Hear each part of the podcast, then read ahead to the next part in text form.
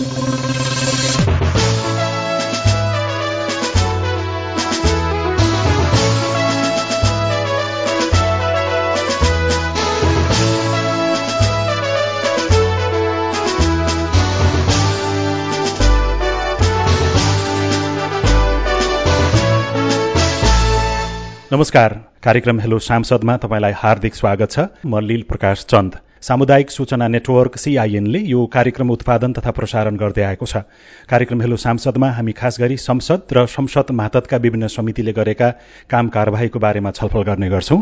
आजको कार्यक्रम हेलो सांसदमा निर्वाचित सांसदका योजना र संसद र सांसदले गर्नुपर्ने काम कार्यवाहीको बारेमा चर्चा र विश्लेषण गर्दैछौ। शुरूमा बाँके क्षेत्र नम्बर एक एकबाट निर्वाचित प्रदेश सभाका सांसद नमुना केसीज्यूसँग कुराकानी गर्दैछौँ। मानिज्यू यहाँलाई स्वागत छ संवाद श्रृङ्खला। हेलो सांसदमा धन्यवाद। अघिल्लो पटक पनि तपाईँ लुम्बिनी प्रदेश सभामा सांसदको रूपमा हुनुहुन्थ्यो। दोहोरिनु भयो तपाईँ। के छ? अब निर्वाचित भइसकेपछि म यो यो थप गर्न नयाँ केही गर्छु भन्ने हो कि? अथवा होइन पुरानै जे जस्तो चलेको थियो त्यस्तै चलाउँछु भन्ने नगरबाट छ? दोस्रो पटक निर्वाचित भइसकेपछि पहिलो कुरा त पुराना बाँकी रहेका जो काममा बाँकी छन् सुरुवातको चरणमा तिनलाई पुरा गर्ने त छँदैछ छँदैछ।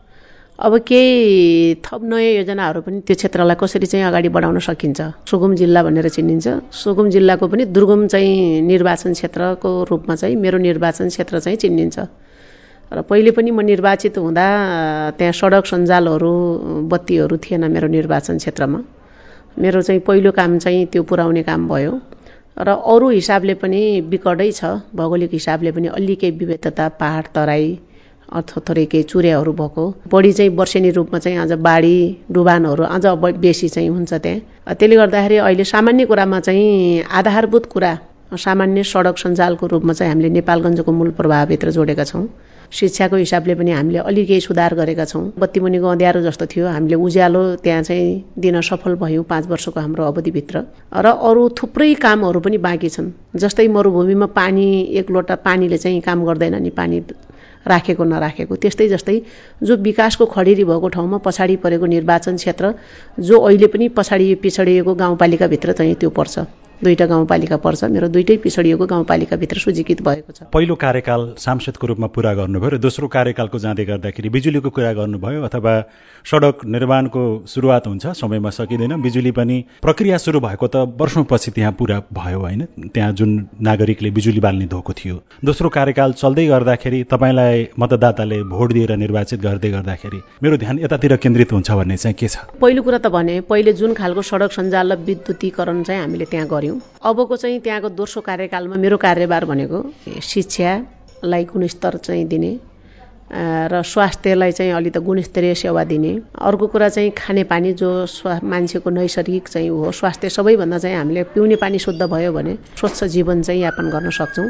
त्यसपछि चाहिँ उत्पादनमा जोड दिने कुराहरू। जस्तै अब कृषिको एउटा पर्याप्त चाहिँ वातावरण छ त्यो ठाउँमा। कृषिको माध्यमबाट त्यहाँका जनसमुदायहरूलाई कसरी चाहिँ उत्पादनमा जोड्ने कसरी चाहिँ बजारीकरणसँग चाहिँ जोड्ने कसरी चाहिँ रोजगारी सिर्जना गर्ने कैयौँ युवाहरू पढे लेखेको हुनुहुन्छ तर अहिले पनि रोजगारी सिर्जना छैन। अझ त्यो क्षेत्र त आज पछाडि परेको भयो। कैयौँ चाहिँ डिग्री हासिल गरेर बस्ने भएको छ र अहिले पनि चाहिँ त्यो खालको परिस्थिति चाहिँ छैन। राज्यको ध्यान पनि त्यहाँ पुग्न सकेको छैन। र बल्ल बल्ल एउटा सङ्घीयताले चाहिँ सङ्घीयताको कार्यान्वयनको दोस्रो चरणमा हामी छौँ र अहिले जाँदा अलिकति केही विकास भयो जस्तो जनप्रतिनिधिको ध्यान पुगे जस्तो चाहिँ भएको छ। र अरू सामान्य कुराहरूमा पनि नपुगेको जो हिजो अधुरो रहेका कामकाजहरूलाई कसरी चाहिँ यसलाई अगाडि बढाउने पुरा गर्ने चाहिँ मेरो यो दुईवटा कार्यभारको रूपमा चाहिँ अगाडि बढेको छ। पुरा गर्नुको निमित्त पनि मलाई दोस्रो कार्यकाल चाहिँ म नै चाहिन्छ भनेर जुन खालको मलाई जिताउन पुग्नुभयो अहिलेको जिताइ भनेको धेरै कठिनपूर्ण थियो।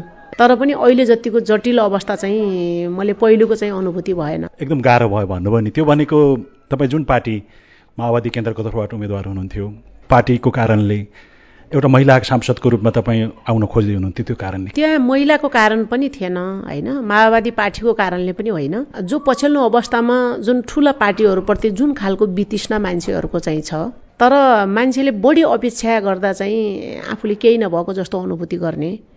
यो खालको परिस्थितिले गर्दाखेरि पनि स्वतन्त्रदेखि लिएर विभिन्न खालका चाहिँ मान्छेहरू कोही स्वतन्त्रको नाममा कोही जातीय रूपमा कोही साम्प्रदायिक रूपमा जुन खालको चाहिँ राजनीतिमा जुन खालको विकृति देखियो नि होइन यो पनि पछिल्लो आउने स्वच्छ राजनीति होइन। त्योभित्र मान्छेले अब यही भइराखेकै अनुहारभन्दा फरकले केही गर्छ कि त? जनसमुदाय जनमत भनेको त पटक पटक टेस्टेड हुनुपर्छ र नयाँ चाहिँ हेर्नुपर्छ भन्ने त त्यो सबैको चाहना हुन्छ। तपाईँले जुन यो यसलाई विकृति भने पनि फेरि जो राजनीतिक दलहरू अथवा नेताहरू थिए उनीहरूबाट जुन अपेक्षा गरेको थियो नागरिक क्षेत्रले अथवा मतदाताले त्यो पुरा नभएको आक्रोशको रूपमा पनि तपाईँ यसलाई स्वीकार्न तयार हुनुहुन्छ। भनेपछि यो स्थिति किन आयो त? नै मैले त्यसलाई फरक रूपमा चाहिँ लिएको छैन। त्यसलाई अर्को रूपमा पनि लिएको छैन। मैले भने नि राजनीति पार्टीप्रतिको जुन देखा पर्यो तर त्यसको चाहिँ कारणले पनि यस्तो अवस्थाहरू सिर्जना भयो। र हाम्रो कुरा कस्तो छ भने हामीले अपेक्षाभन्दा बढी सोच्यौँ भने पनि त्यो कुरा चाहिँ आउँछ मान्छेहरूमा फर्स्टेसन नैराश्यता जनसमुदायमा।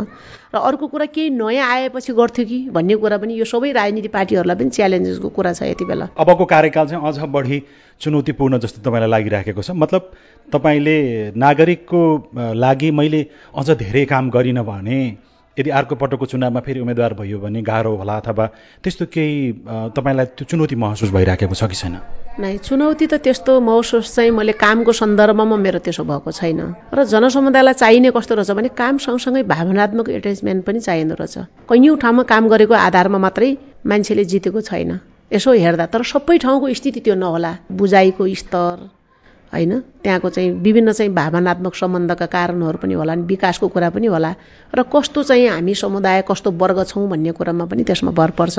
भावनात्मक अपनत्वको कुरा गर्नुभयो नि। पहिलो कार्यकाल त तपाईँ सांसद रूपमा रहनुभयो। त्यसमा कतिको सफल असफल भएछु अथवा समीक्षा गर्नुपर्ने ठाउँ केही पाउनुभयो कि? मैले जे गरेको थिएँ त्यो ठिक गरेको थिएँ भन्ने लाग्छ। मलाई दुवै हिसाबले अँगालेर अहिले जिताउनु भएको हो त्यो निर्वाचन क्षेत्रमा। म अहिले पनि त्यही सोही निर्वाचन क्षेत्रबाट सोही पदमा फेरि निर्वाचित भएको छु। किन भन्दा मसँग कम्पिटिसन गर्नेहरू धेरै हुनुहुन्थ्यो उम्मेद्वारहरूको प्रत्याशीहरू। र त्यो रूपमा पनि मलाई त त्यहाँको जनसमुदायले छान्नुभयो नि त मलाई जिताउनु भयो नि त। र त्यहाँको विकास निर्माणदेखि लिएर मैले खेलेका भूमिकाहरू र उहाँहरूसँगको चाहिँ एउटा भावनात्मक सम्बन्ध पनि सँगसँगै। जे चाहिँ मैले गरेको थिएँ त्यो कुरा सही गरेको थिएँ र त्यही आधारमा चाहिँ मलाई यतिको चेलीलाई चाहिँ जिताउनु पर्छ भन्ने हिसाबले त्यहाँको जनसमुदायले मलाई रोज्नु भएको हो अहिले। चाहे कामको हिसाबले होस् चाहे भावनात्मक एटेचमेन्टको हिसाबले होस् अहिले पनि मलाई नरायणपुर र राप्ती सुनारीको छोरी भनेर नै उहाँहरूले चिन्नुहुन्छ। यो हाम्रो छोरी हो। अहिलेसम्म नभएका कामहरू पनि बाँके जिल्लामा अडचालिस वर्ष पहिले बत्ती बलेको थियो र अडचालिस वर्षपछि चाहिँ योभन्दा एक वर्ष अगाडि चाहिँ अडचालिस वर्ष चाहिँ पछाडि राप्ती सुनारीमा चाहिँ र बगौडामा बत्ती बलेको हो। यो कुरा राम्रोसँग त्यहाँको जनसमुदायले चाहिँ बुझ्नुभएको छ र मैले निरन्तर रूपमा गरेको प्रयास जुन खालको पहल र जुन चाहिँ नजिकबाट त्यहाँको जनसमुदायले मलाई बुझ्नुभएको थियो मलाई त्यो खालको मूल्याङ्कन गर्नुभयो र मलाई आज फेरि त्यो ठाउँमा सोही ठाउँमा सोही पदमा चाहिँ मलाई निर्वाचित बनाएर फेरि मलाई प्रदेश सभामा पठाउनु भएको छ।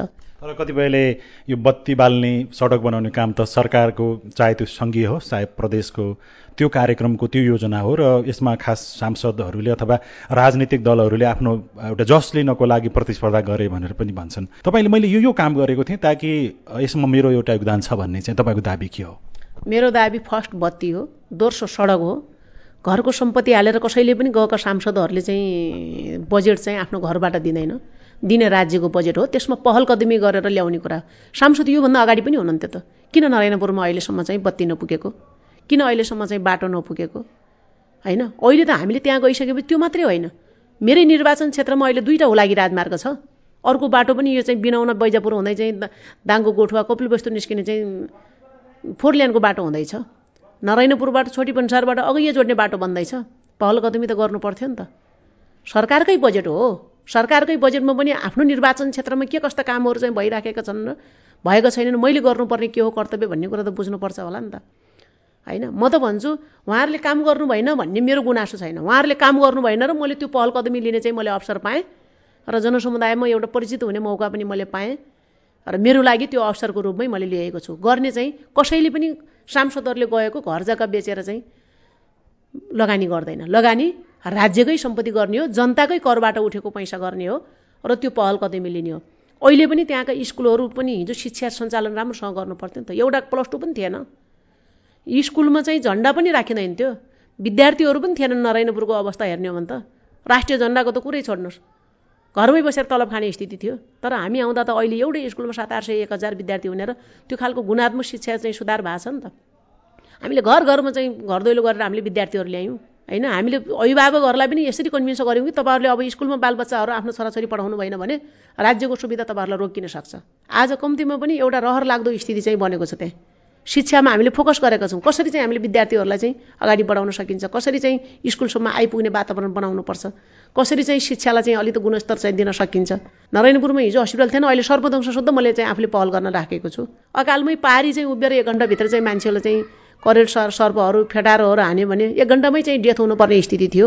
मुख्य कुरा त हामी पठाएको जनप्रतिनिधिले गर्ने पहल गर्ने नै हो। तपाईँले मतदातासँग घर दैलो गर्दै गर्दाखेरि तपाईँ सांसद मात्रै नभएर एउटा महिला सांसदको रूपमा पनि जाँदै गर्दाखेरि अथवा निर्वाचित भइराख्दाखेरि म मतदाता मध्येमा पनि महिलाहरूको लागि पनि केही गरेँ र थप केही गर्नुपर्छ भन्ने महसुस गर्नु भएको छैन। मलाई त्यहाँको आवश्यकता अनुसार मैले विभिन्न क्याटेगोरीमा चाहिँ मैले राखेँ। त्यहाँको युवा जेनेरेसनलाई कसरी उठाउने त्यहाँको अलि प्राउड चाहिँ जेनेरेसनलाई कसरी राख्ने त्यहाँको अलि वृद्ध चाहिँ जेनेरेसनलाई कसरी राख्ने र महिलाहरूलाई कसरी राख्ने? अहिले पनि नरैनापुर एउटा पालिका मेरो महिलाहरूको पुरै घुम्टोभित्र छन्। सानैमा विवाह चाहिँ बारीहरू हुने त्यो खालको प्रथा पनि अझै हटेको छैन। होइन? यसलाई हटाउनलाई पहिलो कुरा त त्यहाँको चाहिँ नागरिक सचेतकरण ल्याउनु पर्यो। महिलाहरूलाई चाहिँ ल्याउने कार्यक्रमहरू जसरी अहिले चाहिँ सानैमा चाहिँ त्यस्ता खालका विवाहहरू हुन्छन् दाइजो प्रथा पनि छ अहिले पनि चाहिँ तराईमा हटेको छैन। महिलाहरूलाई पनि विशेष खालको त्यो खालको चाहिँ महिलाहरूलाई चाहिँ अलि त चाहिँ सशक्तिकरण गर्ने होइन त्यो खालको चाहिँ कार्यक्रमहरू पनि मैले महिलाहरूको चाहिँ गरेको छु। युवाहरूको पनि मैले गरेको छु किनभने अबको चाहिँ सचेत ऊ भनेको चाहिँ युवाहरूलाई अलिक गराउन सकियो भने त्यहाँको परिवर्तन चाहिँ युवाले चाह्यो भने सहज ढङ्गले चाहिँ सकिन्छ। युवाहरूलाई पनि त्यो खालको रोजगारीदेखि लिएर सशक्तिकरण गर्ने र त्यसलाई सचेतना मार्फत हामीले कसरी अगाडि बढाउन सकिन्छ भन्ने तालिम गोष्ठी मार्फत पनि त्यो खालको अभियान चाहिँ चालियो। र मुख्य कुरा चाहिँ आज पछाडि अहिलेको अवस्थामा चाहिँ शिक्षा नै मुख्य कुरा हो भनेर पुरै युवाहरूलाई अगाडि लाएर हामीले कम्तीमा पनि त्यो खालको चाहिँ घर दैलो गऱ्यौँ। त्यसपछि विकासको हिसाबले पनि कसरी चाहिँ अहिले नरायणपुरको चाहिँ कमैभन्दा कमै छन्। एउटा मान्छे यहाँ पुलिसमा दिन आयो भने भाषिक कारणले पनि त्यसले चाहिँ जानेको कुरा पनि लेख्न सक्दैन।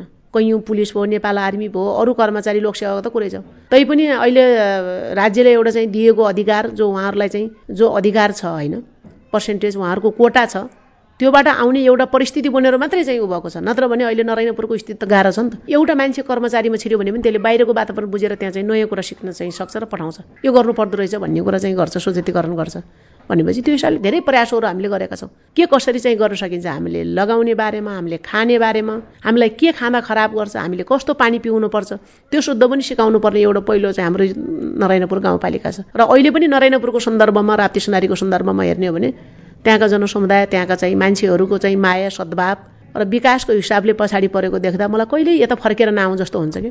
त्यही मायाले त्यही लगावले नै उहाँहरूले मलाई आज चाहिँ जे गरेको थिएँ नि थोरै भए पनि मैले प्रयास गरेको थिएँ बजेट त राज्यकै हो। कानुन निर्माणको सन्दर्भमा यी सबै कुरा तपाईँले जो जो सुनाउनु भयो नि जे कुराहरू सुनाउनु भयो त्यसलाई कानुन निर्माण प्रक्रिया अथवा कार्यान्वयनको प्रक्रियामा तपाईँले कसरी योगदान दिनुहुन्छ अबको संसद प्रदेश सभामा? नै प्रदेश सभामा त पहिलो कुरा त अहिलेसम्म जे संविधानले चाहिँ सुनिश्चित गरेका अधिकारहरू छन् त्यसलाई कार्यान्वयन गर्नेमा मेरो दृढ जोड हुन्छ।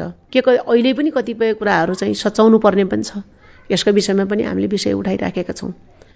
र अर्को कुरा विकासको कुरालाई पनि सँगसँगै जोड दिनुपर्ने छ।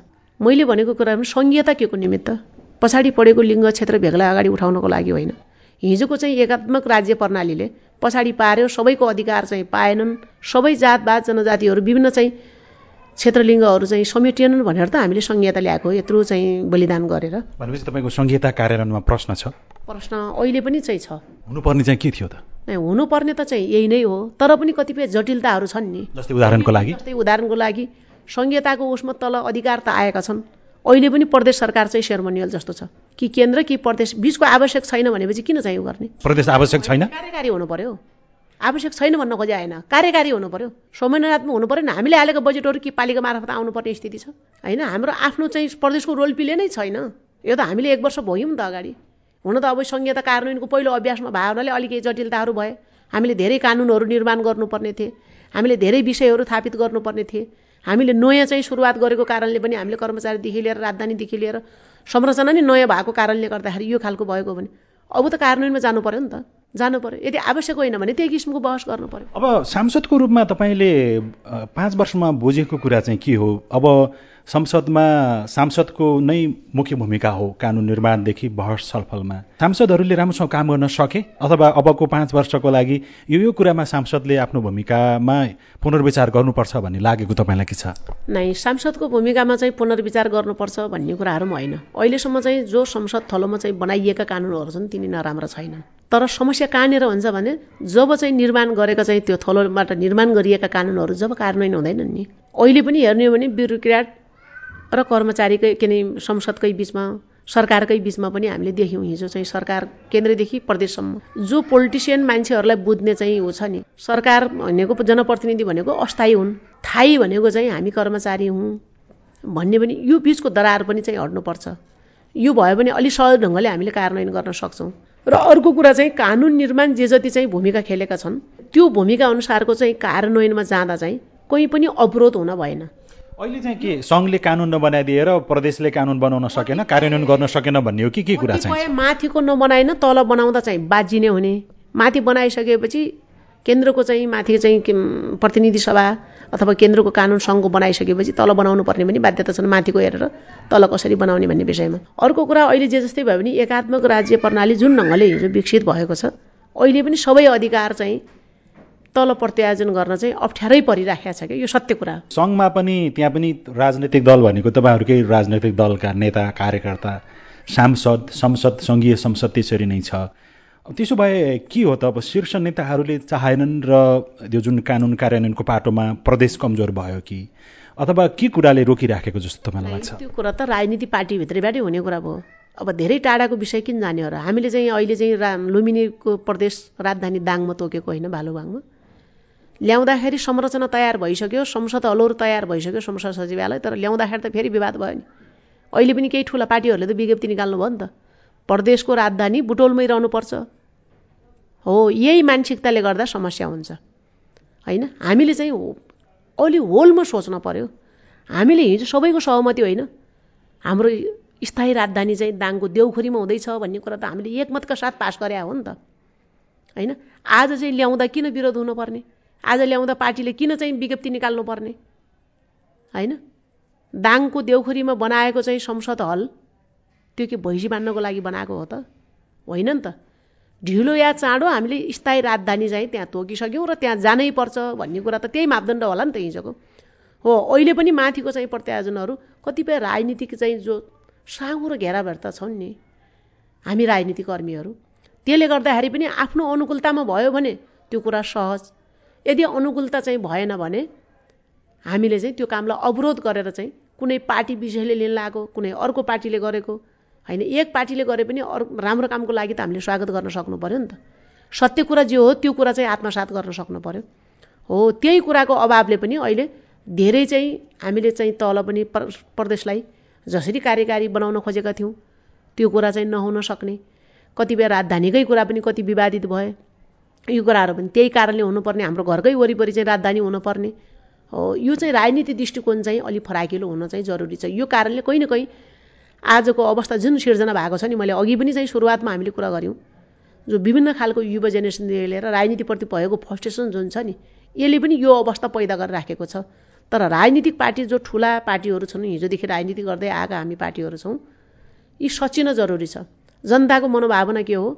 यति बेला त्यो अनुसार चाहिँ जान सके मात्रै जनताले साथ दिने देखिन्छ। र हामी चाहिँ अगाडि बढ्ने देखिन्छ। नत्र भने यहाँ कोही कसैको पनि कोही व्यक्तिको कुरा होइन। होइन? समग्र रूपमा संस्थागत रूपमा चाहिँ मान्छेप्रतिको जुन खालको चाहिँ बुझाइ छ हेराइ छ राजनीति पार्टीप्रतिको त्यो पोजिटिभ छैन। त्यसले गर्दाखेरि पनि हामीले जे सत्य हो जे जायज कुरा हो त्यो जुनसुकै पार्टीले गरे पनि स्वीकार्य पनि गर्न सक्नुपर्छ र सहकार्य पनि गर्न सक्नुपर्छ। र आज पनि माथि हामीले बनाएका कानुनहरू कसैलाई अवरोध होला कोही प्रतिनिधि सभामा छ कोही केन्द्रको सरकारमा छ होइन? तर जहाँ भए पनि तर दिनुपर्ने अधिकार प्रत्याश अहिले एउटा प्रदेश मन्त्रालय छ गृह के अरे आन्तरिक मामिला तथा कानुन मन्त्रालय भने एउटा सिपाही पनि सर्व गर्ने अधिकार छैन होइन? एउटा सचिव पनि चाहिँ ल्याउने अधिकार छैन मन्त्रालयको अवस्था हेर्ने हो भने कि? अब यही अवस्थामा भयो भने त मान्छेहरू त कतिपय प्रदेश सांसद सोधेर गाउँपालिकामा आएर उठ्या छ कोही चाहिँ मेयरमा गएर लड्या छ किन भन्दा छैन आफूले गरेको काम पनि चाहिँ आपनत्व चाहिँ ग्रहण गर्न पाइन्न। भनेपछि त कसरी चाहिँ हामी भोलि स्थापित हुन सकिन्छ? कसरी जनताले काम गरेको कुरा बुझ्छ त? भन्ने कुरा अब कतिपयले चाहिँ क्वेसन पनि उठाइराखेका छन्। आज चाहिँ जे जति चाहिँ सङ्घीयता आएर यसैले अधिकार प्राप्त भएको कुरा कमैले बुझेका छन्। तर धेरैले सङ्घीयता खारेज गर्नुपर्छ। सङ्घीयता आवश्यक छैन भन्छन्। यही सङ्घीयताले गर्दा आज चाहिँ सामान्य महिला राष्ट्रपतिको भूमिकामा पुगेका छन्। सामान्य महिला चाहिँ माथि चाहिँ क्याबिनेटमा पुगेका छन्। सामान्य महिला चाहिँ प्रदेशको चाहिँ के सङ्घको राष्ट्रिय सभादेखि लिएर प्रतिनिधि सभादेखि लिएर प्रदेश सभामा पुगेका छन्। सभामुखदेखि लिएर उपसभामा भएका छन्। पा स्थानीय पालिकामा चाहिँ स्थानीय सरकारमा पनि प्रमुख या उपप्रमुखको भूमिकामा छन् यही सङ्घीयताबाट। भन्ने कुरा हामीले चाहिँ बिर्सेर त्यो खालको अवस्थामा चाहिँ हामी गयौँ भनेपछि त भोलि कामकाजी हुन सक्दैन नि त। होइन विषयवस्तु पास गरेर मात्रै कानुन बनाएर मात्रै हुँदैन नि त। कार्यान्वयन नै मुख्य हो प्रभावकारी बनाउने भनेको चाहे सरकारको संरचना होस् चाहे अरू अरू होस्। यो कारणले गर्दाखेरि कहीँ न कहीँ अलि अप्ठ्याराहरू चाहिँ छन्। र यसलाई फेरि हामीले यो विषय पनि उठाइराखेका छौँ र यो हल हुन्छ भन्ने कुरामा चाहिँ हामी पछिल्लो अवस्थामा चाहिँ आशावादी छौँ। समय दिनुभयो यहाँलाई धेरै धन्यवाद। धन्यवाद हजुरलाई पनि। कार्यक्रम हेलो सांसद आजको अङ्कमा हामीले बाँके क्षेत्र नम्बर एक एकबाट निर्वाचित प्रदेश सांसद नमुना केसीसँग कुराकानी गर्यौं र संवाद श्रृङ्खला हेलो सांसदमा अब भने पाँच वर्षका लागि निर्वाचित भएका सांसदहरूले संसदमा प्रदेश संसद अथवा संघीय संसदमा गर्नुपर्ने काम कारवाही कस्तो हुनुपर्छ र उनीहरूको भूमिका कस्तो हुनुपर्छ भन्ने बारेमा कुराकानीतर्फ लाग्दैछौ। कुराकानीका लागि हामीसँग हुनुहुन्छ विश्लेषक श्याम श्रेष्ठ। निराश हताश र वितृष्ण फैलिएको स्थिति छ त्यो बेलामा उनीहरूले विगतको गल्तीमा समीक्षा गरेर त्यो समीक्षाबाट चाहिँ विगतको गल्ती सुधार्ने ढङ्गले जाँदाखेरि अबको संसद राम्रो हुने हो। तर त्यो ढङ्गले समीक्षा गर्ने आफ्नो गल्ती कमजोरीलाई पत्ता लगाउने ढङ्गले पार्टीहरू जालान् के भन्ने कुरामा चाहिँ व्यापक प्रश्न चिन्ह छ। कसैले पनि आफ्नो विगतको गल्ती कमजोरीहरूलाई राम्ररी रिभ्यू गरेको देखिँदैन जबकि चुनावको रिजल्ट भएको कैयन दिन भइसक्यो। रिभ्यू थालेकोसम्म पनि देखिँदैन। पार्टीमा त्यो बारेमा बहसै छैन। अनि त्यस कारणले अहिले संसद चाहिँ रिभ्यू गरेर डेलिभरी नदिएकै कारणले जनताहरू हामीबाट निराश भएका छन्। र यो नयाँ शक्तिहरू भट्टाभट मैदानमा आएको पनि त्यही कारणले हो भनेर भन्ने यी दलहरूले अनुभूति गर्ने हो रियलाइज गर्ने हो भनेदेखि। राजनीति संसदीय राजनीतिको कोर्स उन्नत कोर्समा जान सक्ने सम्भावना हुन्छ। त्यो रियलाइज नगर्ने हो भने गति गएको संसदमा जे जे भुलहरू भयो फेरि त्यतै भुलहरू दोहोरिने सम्भावना पनि त्यत्तिकै छ किनभने कुनै पनि दलहरू ठुल्ठुला दलहरू भनेका दलहरू सेल्फ क्रिटिकल भइराखेको छैन। संसद प्रभावकारी बनाउने अथवा नबनाउने हुने नहुने भन्ने विषय राजनीतिक दलको जिम्मेवारी बढी हो कि सांसद जो निर्वाचित भएर आयो उसको जिम्मेवारी बढी हो? दुटैको हो नि। सांसदहरू त नेपालमा स्वतन्त्र ढङ्गले काम गर्ने सांसदको स्थिति नै छैन ठुलो विप लाग्छ जसलाई सामना गर्ने कुनै पनि सांसदको क्षमता रहिरहेको देखिँदैन अलि विद्रोही खालको सांसदहरू प्रदीप गिरी जस्तो सांसद जसले नेताले एउटा कुरा भने तापनि आफ्नो मत राख्ने क्षमता राख्छ त्यस्ता खालको सांसदहरू थुप्रो हुनु पर्यो त्यहाँ अनि त्यसपछि सांसदले पनि गर्न सक्छ सांसदले गर्न सक्छ होइन भने त गर्ने त मेनली पार्टीले हो पार्टीले जे अर्डर दियो त्यति मान्ने हो यी दलहरूको सांसदहरू। सांसदहरूले स्वतन्त्र हैसियत बनाउने र सांसदहरूले आफूलाई लागेको कुराहरू म जनताको प्रतिनिधि हुँ। जनताले मलाई सुनेर पठाएको मेरो उत्तरदायित्व दलमा सेकेन्ड हो पहिलो चाहिँ जनता हो भनेर ठान्ने हो भनेदेखि जनताप्रति उत्तरदायी बनेर संसदहरूले भूमिका खेल्नुपर्ने हुन्छ। त्यो भूमिका खेल्नु जरुरी पनि भएको छ। यो दलहरू खिएको कारणै त्यही त्यही कारणले हो कि उनीहरू पटक्कै जनताप्रति उत्तरदायी छैनन्। जनताको पीर मर्का समस्या कहाँ छ? देशको समस्या कहाँ छ भन्ने एकातिर छ। दलहरूको चिन्ता ध्याउन्न अर्कोतिर छ। सांसदहरू स्वतन्त्र दलमा भएर पनि स्वतन्त्र हुन सक्छ भन्ने एउटा सोच चाहिँ सांसदहरूले राख्न सक्नुपर्छ। क्रिटिकल्ली बोल्नु भनेको दलको विकल्प विरोधमा जानु होइन। किनभने जनताप्रति उत्तरदायी हुने हो भने त क्रिटिकल हुनुपर्ने हुन्छ। आफ्नै दलले बेठिक गर्न लाग्यो भने तापनि त्यो बेठिकमा औँला ठडाउनु पर्ने हुन्छ। अब त्यस्तो चलन नेपालमा नेपालमै पनि थियो। गएको संसदमा पनि के के मान्छेहरूले गरे गएको संसदमै त्यस्तो खालको प्र्याक्टिस देखा देखा परेको थियो। दुई चारजना संसदमा मात्रै देखा परिरहेछ धेरैभन्दा धेरै सांसदले त्यस्तो खालको हैसियत प्रदर्शन गरेको देखिँदैन।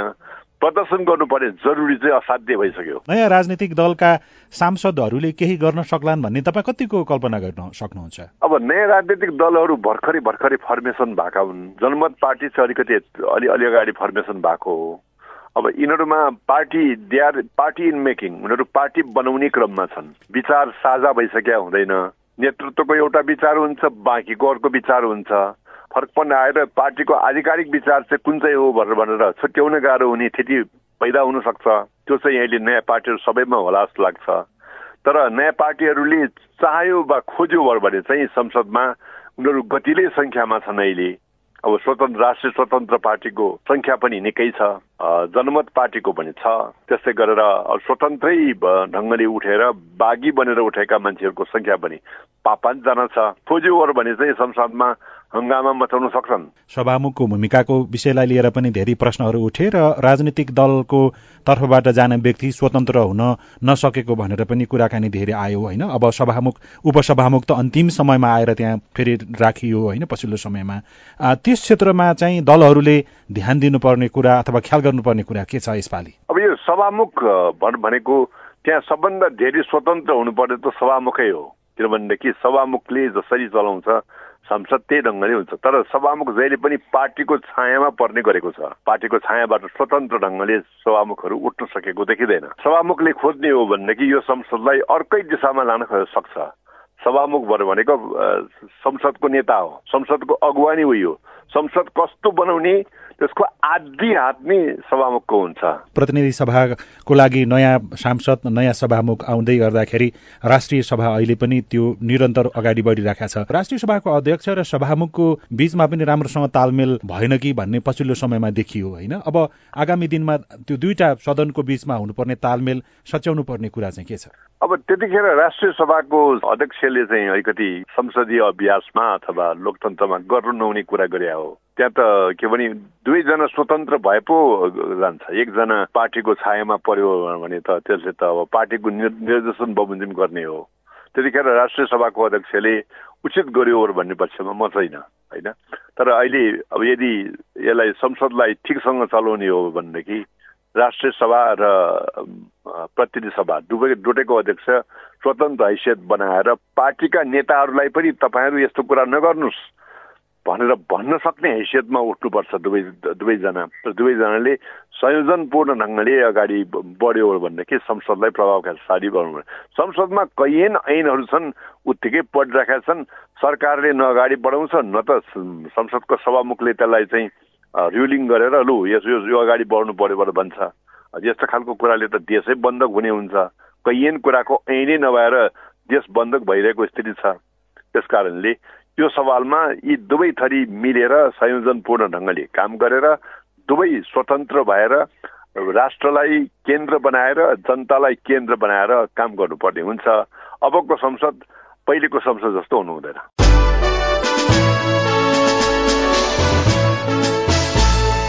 प्रदेश सांसद र संघीय संसदलाई प्रभावकारी बनाउनको लागि अप्नाउनु पर्ने कदम र संसदमा नयाँ सांसदहरूले बनाएका योजना र उनीहरूको भूमिकाको बारेमा कुराकानी गर्दा गर्दै कार्यक्रम हेलो सांसदको आजको अङ्कको समय सकिएको छ। प्राविधिक मित्र सुभाष पन्तलाई धेरै धन्यवाद दिँदै लील प्रकाश चन्द पनि आजको कार्यक्रम हेलो सांसदबाट विदा हुन्छु। हस्त नमस्कार।